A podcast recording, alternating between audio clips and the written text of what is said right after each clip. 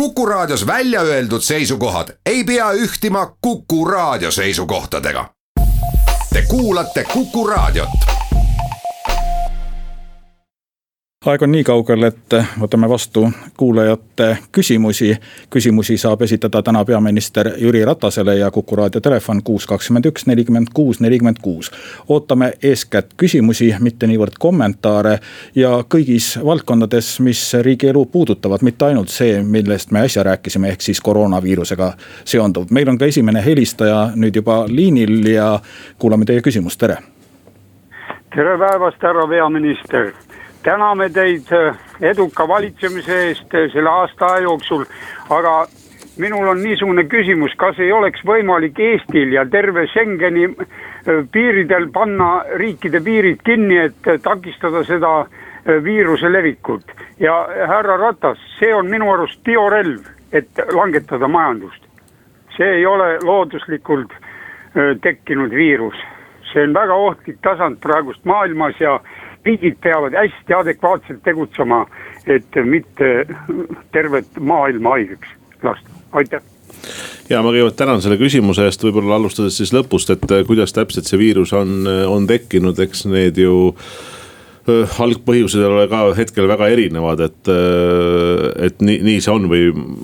ma ei ole kuulnud väga, et, et nüüd see on relvana mõeldud, aga, aga, aga jah, et küsimus sellest piiride kinnipanekust, et me peame arvestama täna sellega, et mitte ainult üksi, eks ju, me ei räägi enam Euroopast või ka Euroopa Liidu liikmes või Euroopa Liidu riikidest kus tegelikult on juba väga kõrge see levik, ohutase väga kõrge, ühelt poolt on need riigid, mis on siis niinimetatud riskipiirkonnaks äh, äh, kuulutatud, aga teiselt poolt on ka Eesti välisministeeriumi arvamus. Äh, missugused tegelikult on need riigid, kus, kus on see tõenäosus haigestuda või see haiguse levik väga suur.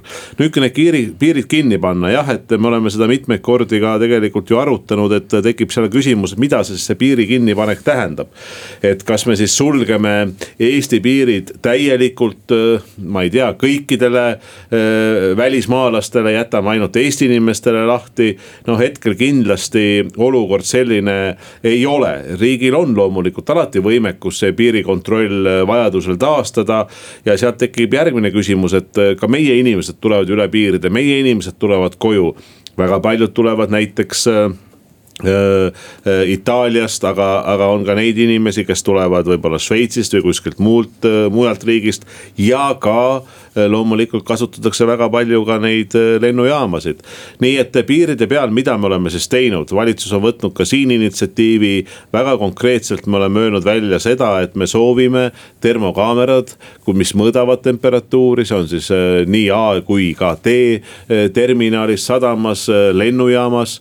aga lisaks ka viiel, viies ütleme siis niinimetatud piiriületuskohas, olgu see näiteks siis Narvas või, või ka Iklas, et me oleme teinud selle, et seal on siis väljas eh, inimesed, kes eeskätt eh, vaatavad ehm, ühistransporti, jagavad seal ühelt poolt infomaterjali. aga ka teiselt poolt on neil võimalus, eh, minu teada sellel nädalal see sai alguse ja nüüd on see juba töös, et mõõta temperatuuri. nii et kui otseselt noh, ma tean, et mõned riigid, kes on väga Itaaliaga kõrvuti, on ka teinud väga jõulisi samme, näiteks nagu Austria. aga jah, et, et kas, kui küsimus on, kas täna me hakkame piire uuesti taastama ja piire sulgema, siis hetkel selles faasis me kindlasti veel ei ole. loomulikult see, mis te ütlete, nagu ma ütlesin ka siin saate sissejuhatuses, ma kordan seda üle. inimeste tervis, inimeste elu, Eesti inimeste tervis, Eesti inimeste elu, see on esmane ja kõige tähtsam prioriteet täna kuulame järgmist küsimust, kuus, kakskümmend üks, nelikümmend kuus, nelikümmend kuus, tere järgmisele helistajale. tervist. mul on selline küsimus, eile oli uudistes üks Helmetest, ma nüüd ei tea, kas Mart või Martin, väitnud, et need, kes sealt tagasi tulid ja nüüd äh, nagu karantiinis on, et nendel peaks nagu hüvitama sissetuleku riigi poolt, oli mingi klausel läbi käinud sealt. mina nagu leiaks seda, et ka, äh, et kui inimene on seal valiku teinud, siis riik ei peaks hüvitama, kuna minul on selline lugu. firma pankrotti ei lähe, midagi ei tee, ma neli kuud ooteseisundis, raha ei saa. ja kuidagi ma riigi poolt mingit abi ei saa, sellepärast et ma saaksin töötukassasse minna, kui ma sealt lahkun. aga antud juhul pankrotti ei kuulutata välja ja mina riigi käest ei saa abi, et kelle poole peaks pöörduma aitäh, et kõigepealt, kui korraks veel tulla tagasi selle riskipiirkondade kohta, siis terviseameti riskihinnangust on koroonaviiruse riskipiirkonnad hetkel Hiina Rahvavabariik, Itaalia, Iraan ja Lõuna-Korea. nüüd välisministeerium ei soovita lisaks riskipiirkondadele reisida Jaapanisse, Singapuri, Prantsusmaale, Saksamaale, Hispaaniasse, Egiptusesse, Iisraeli. nüüd vastates teie küsimusele siis äh, ma ütleme, et kui me lähtume nüüd nendest inimestest, kes tulevad äh, A riskipiirkondadest, kes on nakatunud Eestis või kes on äh, lähi kontakt, kontaktsed. nüüd põhimõte on see, et kõigil haigestunutel ja ka lähikontaktsetel on õigus oma perearstilt haiguslehte taotleda ning hüvitist saada. Ehm, kui küsida nüüd, mis või kes on täpselt lähikontaktne, siis äh, lähikontaktne on siis see, kellel on väga suur tõenäosus, et ta on kokku puutunud äh, nakatunuga, noh reeglina või tõenäoliselt ta siis on, kas ta on pereliige, kas ta on reisikaaslane, kas ta on klassikaaslane, trennikaaslane samas ruumis töötanud ametikaaslane. nüüd järgmine küsimus kindlasti on selles, et mis siis saab nendest inimestest, kes riskipiirkondadest saabuvad. ja riskipiirkondadest saabunud inimeste puhul lähtub siis perearst konkreetsetest juhtumitest. see tähendab sümptomite olemasolu ja võimalik kokkupuude nakatunuga. loomulikult ma arvan, et see, mis te ka rääkisite nüüd pankrottide ja, ja majanduse osas et me peame kõik pingutused tegema ja mul on täna täielik usk ja veendumus olemas, et tänane valitsus on valmis kõiki vahendeid äh, kasutama, mis on meie võimuses ja samme tegema. et majandust ikkagi turgutada, stimuleerida ja hoida ära selline pankrottide laine, no hoida ära siis ütleme otseselt välja majanduslangus. mis siis tähendab seda, et seal äh, mitme kvartali jooksul äh, majandus kukub. ja kui me räägime ka majanduskriisist, siis ka ju siin on väga selged äh, noh, ütleme karakteristikud, mis seda siis näitavad, põhinäitajad, et kui majandusmaht järsult kahaneb kui töötus kasvab, kui valuutad kukuvad, pankrottide arv kasvab ja nii edasi. meil on veel aeg selles saate osas üheks küsimuseks, siis tuleb uudisteaeg peale, kuulame järgmist helistajat, tere. tervist, minul oleks selline küsimus härra peaministrile. ta võttis osa Davosi kohtumisel. et kas on tal võimalik ka midagi Eesti rahvale nendest asjadest ja otsustest seal rääkida mis seal toimus või on see salajane kõik, aitäh. aitäh, ei Davos ei ole üldse saja, salajane, Davos on siis maailma majandusfoorum, World Economic Forum, see on tõesti toimunud seal Šveitsi Mägi-külas, sel aastal oli ta siis viiekümnendat korda. mis seal toimus, see aasta olid seal mitmed tegevused, üks tegevus oli, mida, kus Eesti toimu-, tutvustas siis oma kogemust ja oma positsioone on küberturvalisus, küberjulgeolek. teine küsimus, milles oli seekordne Davosi majandusfoorum väga tugevasti seotud seotud oli, eks ju, kliimaküsimused. nüüd, kui te küsite, mis siis mina seal tegin, väga palju kahepoolseid kohtumisi, eeskätt just erasektoriga, eeskätt just siis eh, selgitada noh, Eesti majanduspositsiooni ja teha kõik selleks, et, et ettevõtted oleksid valmis Eestisse investeerima. ma kohtusin ka mõningate ettevõtetega, kes juba Eestis eh, tegutsevad ja, ja loomulikult ma siis kuulasin nende mõtteid või nende seisukohtasid, mida Eestis peaks tegema rohkemat, et me näeksime eh, veel stabiilset stabiilsemat, veel jätkusuutlikumat majanduskasvu ja et me suudaksime ka oma eksporti täita. jah, seal olid, ütleme päeva lõikes seal kümme kuni viisteist erinevat kohtumist, peamiselt erasektoriga. aga on ka kahepoolsed kohtumised siis äh, riigijuhtidega ja teatud sellistel tööseminaridel osalemine. Davosi majandusfoorum ei ole mitte kuidagi selline suletud või, või kinnine saade nimega Saade jätkub, Vox Populi külaliseks on meil täna stuudios peaminister Jüri Ratas. temale saab helistada stuudiotelefonil kuus, kakskümmend üks, nelikümmend kuus, nelikümmend kuus. ja küsida võib kõiki asju, mis puudutavad riigielu, ehk siis neid teemasid on nii palju ja nii laialt, et ma ei tahagi siin midagi meie kuulajatele ette öelda, meie telefon on taas helisenud, tere. tere, minu nimi on Aivar. tere, Aivar. ka eelmine, eelmine kord teile, mina enda murega mul võeti see hüvitis ära, ma rääkisin, mul oli tööõnnetus, eks ole ju. ja võeti hüvitis ära ja nüüd ma olen kakskümmend aastat seda hüvitist saanud ja, ja nüüd võeti see ära, öeldi pöörduge kohtu poole, kuskohast ma saan abi? sotsiaalkindlustusamet ütleb pöörduge kohtusse, tegin vaide ka, nad vaatasid selle üle, ajavad jalad sassi, kõik no nihukesed lolli juttu ajavad, õud, no ma ei tea, kus, kelle juurde, kelle poole ma pean pöörduma. Äh, austatud Aivar, et äh, noh, väga keeruline on ju hetkel siin raadio otse-eetris. Äh, ma ei tea ju neid kõiki juhtumeid ja, ja ei peagi neid selliselt teadma, aga ma saan aru, et teil on väga suur mure ja, ja te soovite saada sellele lahendust, vähemalt selgitust. Kindlasti on minu kohustus äh, teha kõik selleks, et te saaksite nii hea selgituse, kui riik saab pakkuda teile ja. kui te küsite, kelle poole pöörduda, siis mul on tõesti palve, et, et andke siis, kui te usaldate oma andmed ja oma, oma see juhtum otse teada riigikantseleile ja, ja. ma töötan riigikantseleis ja kindlasti ma luban, et äh, püüan äh, teha kõik selleks, et teiega võetakse ühendust ja teile siis seda olukorda selgitatakse, aga jah, ma vajaksin tõesti ainult eesnimest jääb natuke väheseks, aitäh. kuulame järgmist helistajat, kes meil praegu liinil on, tere. tervist.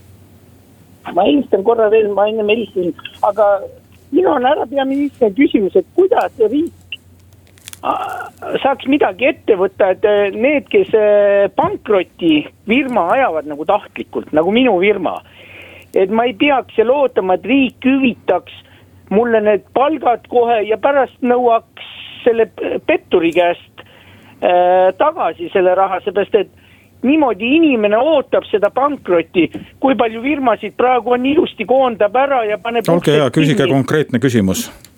konkreetne küsimus on see, et kuidas saaks nii, et riik hüvitab töölisele selle palga ja pärast nõuab selle kelmi käest tagasi jah, et, et no me peame ju selle nimel töötama ja ma usun, et me töötame, et meie majandusel läheb hästi ja neid pankrotte näiteid on nii vähe kui võimalik. selge on see, et igas majandusmudelis, igas majandusfaasis pankroti pankrotiolukordasid ju ette tuleb ja kui me võtame näiteks Ameerika Ühendriikide selles näite, siis öeldakse, et pankrot on ka alati kahjuks üks osa sellisest ettevõtlusriski võtmisest ja ettevõtluse ka edasiminekust, nii et äh, ma arvan, peame pingutama pigem selle nimel, et neid pankrotte ei oleks.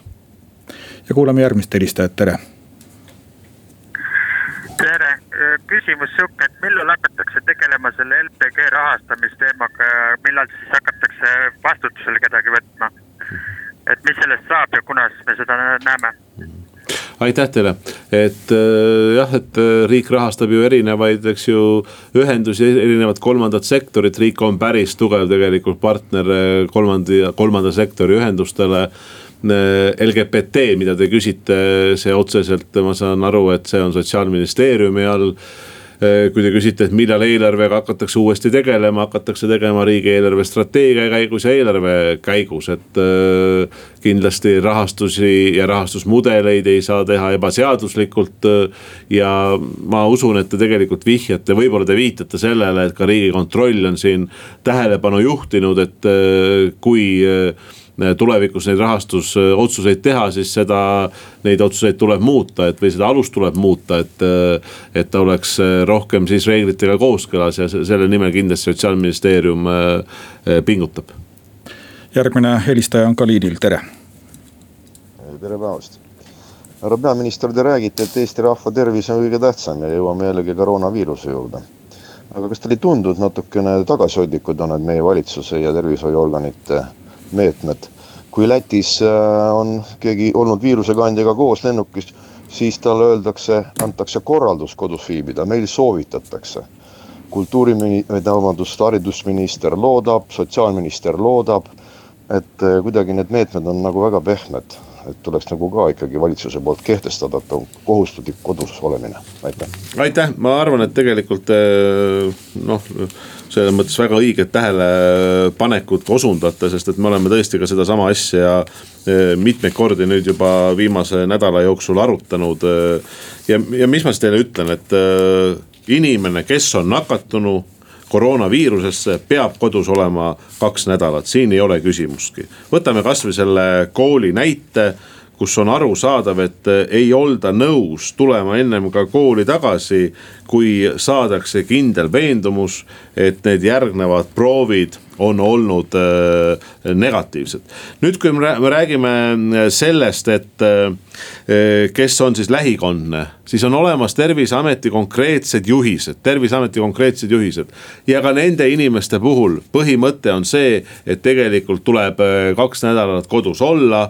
Tõsi, kui on vaja seal teha teatud niisuguseid ütleme oste, mis on kodu, kodust väljaspool, siis äh, ja, ja inimestel, kui ei ole sümptomeid, siis on jah, see arusaadav. ja siis on kolmas see, kes on tulnud äh, riskipiirkondadest, siis öeldakse, et seal on tõesti siis see soovitus, et pigem äh, olla kodus, kui on see vähegi võimalik, näiteks siis tööandjaga leppida kokku kaugtöö võimalus, kui see võimalus on. alati ei ole, loomulikult, kui on sümptomid, siis on täiesti erijuhtum.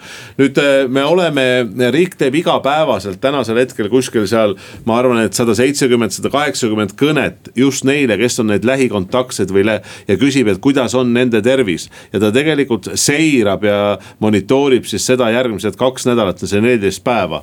Me oleme tõstnud ka sellist äh, konkreetsustaset nendele inimestele, kes on nakatunud ja kes on siis lähikontaktsed, neile on siis saadetud konkreetne materjal, kus on ka öeldud, et inimene peab, kui ta on näiteks konkreetselt haige, siis ta peab kodus olema, seda nõuab ka seadus. ta ei tohi seda viirust levitada siis äh, avalikus ruumis ja kui ta seda teeb, siis seal on ette nähtud ka konkreetsed karistused kuus kakskümmend üks, nelikümmend kuus, nelikümmend kuus on järjekordselt helisenud ja kuulame järgmist küsijat, tere. tere, mul on ka küsimus seoses koroonaviirusega. et kas on olemas mingi meie riigi seadus, määrus või juhis, mille kohaselt äh, poliitilist eliiti koheldakse selle viiruse juhtumite puhul kuidagi eriti noh, tähelepanelikult või noh teistmoodi. ma küsin seda seoses selle juhtumiga, kui Kersti Kaljulaid saabus Ameerika Ühendriikidest ja nad oma õukonnaga ja nad juba lennukis helistasid arstile ja neile tehti kõikidele testid, kuigi mitte mingeid sümptomeid ei olnud. aga näiteks Kristiine kooli õpilastele, kes noh, kelle puhul oht oli selgelt palju suurem, noh, ei tehtud ühtegi testi, et kas Kersti Kaljulaid või keegi noh, eliidist on nagu võrdsem selle käsitlusel või oleme ikkagi jätkuvalt kõik võrdsed ja noh, pealegi selle juhtumi puhul vist see peiteperioodki nagu polnud veel läbi, et miks seda niimoodi tehti, et see on väga nagu halb näide aitäh selle küsimuse eest, et te suuresti tegelikult äh, vastasite selle küsimuse ise ära, aga vastus on järgnev siis. ole sa Eesti riigis postiljon, õpetaja, kraavihall või peaminister, seaduse ees on kõik võrdsed. ei ole olemas sellist seadust, ei ole olemas sellist regulatsiooni, kus kedagi käsitletakse kuidagi teistmoodi või eelisjärjekorras, punkt üks. punkt kaks, kui tullakse riskipiirkonnast või on teada, et inimesed on võinud olla kokku puutunud inimestega, kellel on koroonaviirus, siis te ütlesite väga õigesti see peiteperiood on maksimaalselt neliteist päeva. tervishoiusektor ütleb, et äh, enamus juhtumeid, aga mitte kõik, enamus juhtumeid, kui tõesti siis äh, nakatumine toimub, toimub ta võib-olla seal kuuendal, seitsmendal, kaheksandal, üheksandal päeval. Aga jah, vastus on teile see, et, et äh, see on ka see ju minu eelmise küsimuse loogika, et kui tullakse riskipiirkonnast või see oht on, siis tuleb kodus olla neliteist päeva, see on see peiteperiood kui, eriti veel, kui sümptomid avalduvad, nii et äh, ei ole mingisuguseid erikohtlemisi ja no ma saan aru, et see oli ka võib-olla natukene selline noh ma ei ütleks, et irooniaga küsitud, aga, aga et äh, kas siis kuidagi poliitikuid käsitletakse teistmoodi või, või, või erinevalt, ei käsitleta. kuulame järgmist helistajat ja järgmist küsimust, tere. tere päevast, härra peaminister. minul oleks nagu lihtsureliku poolt üks küsimus selgitustööd tehakse internetis, ajalehes, antakse juhised, jagatakse brošüüre lennuväljal ja muudes niisugustes kohtades, mis on transpordiga seotud. aga kuhu on kadunud kõik maskid ja öö, täiesti harilikud igapäevased käte desinfitseerimisvahendid. alles eile oli vist lehes kirjas, et ilukeskuses müüdi ilmatu kõrge hinnaga. desinfitseerimisvahendeid, kas seda ei võiks võtta riik kanda ja jagada, jagada siis perearstide kaudu äh, inimestele laiali see on kõik. aitäh, saime küsimuse kätte. aitäh teile, et äh, vastused on siis järgnevad, et äh, punkt üks, et kindlasti need maskid ja desinfitseerimisvahendid ja niinimetatud isikukaitsevahendid on olemas. tõsi on see, et, et meil on, äh, turg on vaba ja kui on nii suur nõudlus ja mõnes kaubagrupis võib hakata tekkima defitsiit, siis mõnikord tõesti hinnad tõstetakse üles, jah, ma lugesin ka seda uudist aga minu teada peaks ikka enamuses neid olema võimalik hetkel veel soetada. samuti on Eesti üks kahekümnest Euroopa Liidu eh, liikmesriigist, kes on teinud siis ühishanke, et võimalikult ruttu, hetkel räägitakse mm, circa aprillikuus sealt teisest nädalast, aga ka eile paluti minu ametikaaslaste poolt, et seda hanget siis kiirendada Euroopa Komisjoni poolt just hankida isikukaitsevahendeid. nüüd, mis on veel juhtunud, on tegelikult juhtunud ju see, et riik on pannud välja teatud kohtades kohtadesse just käte desinfitseerimisvõimalused. Need on eeskätt siis sellistes noh, suuremates väravates, olgu see lennujaam või olgu see raudteejaam ja nii edasi.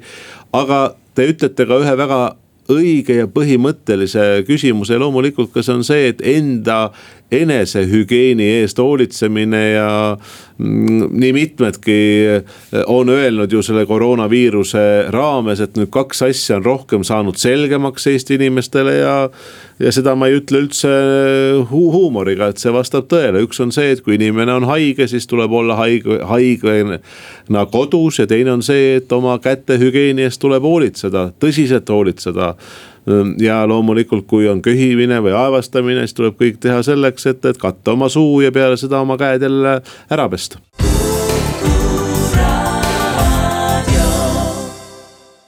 jätkame Vox Populit, kus külaliseks on täna peaminister Jüri Ratas, talle saab helistada ja esitada küsimusi telefonil kuus, kakskümmend üks, nelikümmend kuus, nelikümmend kuus. ja meil on järjekordne küsija taas telefonil, tere tere, Aivar veel kord siin, härra Jüri Ratas, kuidas ma saan teiega ühendust? Nagu ma ütlesin, võtke palun ühendust riigikantseleiga, et äh, see info mulle edastatakse, et. et riigikantselei, võtke, võtke ühendust, kas kirja teel või telefoni teel, aitäh. ja neid andmeid leiab internetist riigikantselei kodulehelt. kuulame järgmist helistajat, tere.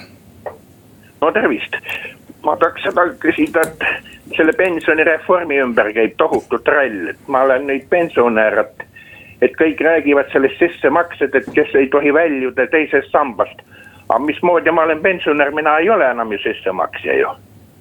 noh, miks ma ei saa oma raha kasutada, kõik see trall käib selle sissemaksed ei tohi ja kõik käivad selle ümber, mis ma ei maksa ju enam siis nii saime küsimuse kätte. aitäh teile, et äh, selles mõttes on küsimus väga aktuaalne, et just minu teada nendel minutitel on ju riigikogu taas äh, arutab seda teist pensionisammast ja nagu me teame seda, siis äh,.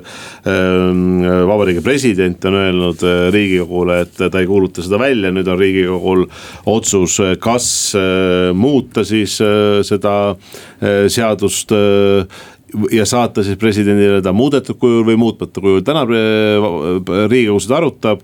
kui ta alustab muutmist, noh siis algab seal uus menetlusprotsess, kui ta saadab muutmata kujul presidendile.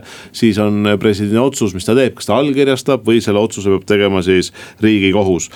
üldpõhimõte on loomulikult olnud see, et äh, need, kes on siis teinud teise sambasse sissemakseid, et saavad ka sellest teisest sambast tulla välja. see vahepealne periood on tõesti kümmekond aastat aga jah, ma arvan, et siin anda nendele konkreetsetele küsimustele, eks ju, lõplikke vastuseid, kuna me teame seda, et vaidlus käib hetkel riigikogu ja presidendi vahel ja suure tõenäosusega see asi jõuab riigikohtusse, siis ootame riigikohtu lahendi ära.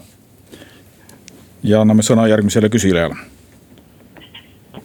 tere. mul on selline küsimus, et juhul kui perekonnaliige tuleb ütleme sealt Itaaliast või kuskilt, kus on ta jääb nagu karantiini, aga kodus on, ütleme noh, ütleme ühetoaline korter ja seal elab kolm inimest.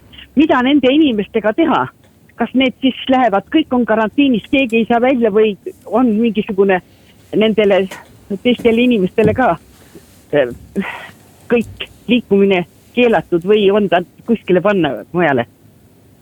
aitäh teile küsimuse eest, et jah, kui on näide, et, et üks inimene tuleb, tal on ma saan aru, et oli siis teie näide, et tal on kor koroonaviirus samas ühetoalises korteris elab veel kolm inimest, mis need kolm inimest siis teevad. siis jah, kõik need kolm inimest on automaatselt ju lähikondsed, kui nad puutuvad selle inimesega kokku ja, ja ühetoalises korteris kindlasti see kokkupuutumine on.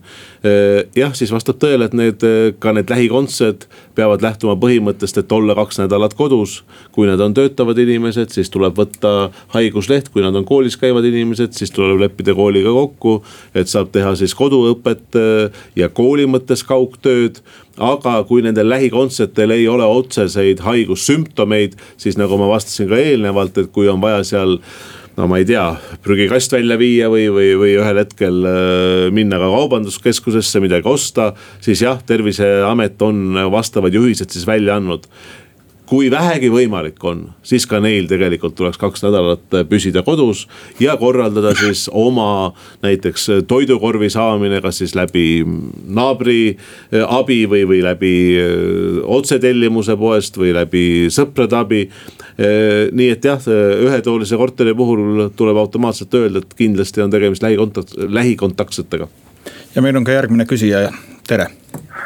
tere päevast, minu lugupidamine Jüri Ratas mina olen ikka see talumees, kes oma külade talude pärast on mures.